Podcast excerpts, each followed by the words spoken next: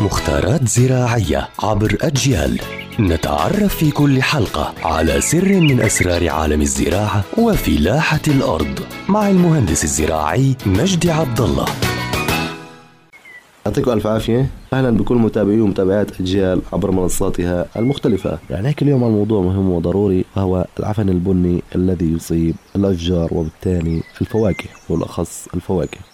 العفن البني وهو من أكثر أمراض الفواكه شيوعا بين البساتين ويؤثر على مستوى الإنتاج في الكثير منها كالخوخ والبركوك والنكتارين والكرز والتفاح والمشمش والإجاص والسفرجل حيث يغطي هذا العفن سيقان الأشجار والزهور والثمار بطبقة بنية اللون. يعني أنا لما أشوف عندي لون بني على الثمار غالبا بيكون عفن بني. طبعا بتسبب بعض أنواع الفطريات الضارة التي تؤثر على الثمار وتؤدي إلى تساقطها بعد ذبولها وضعف اتصالها بأصل الشجرة.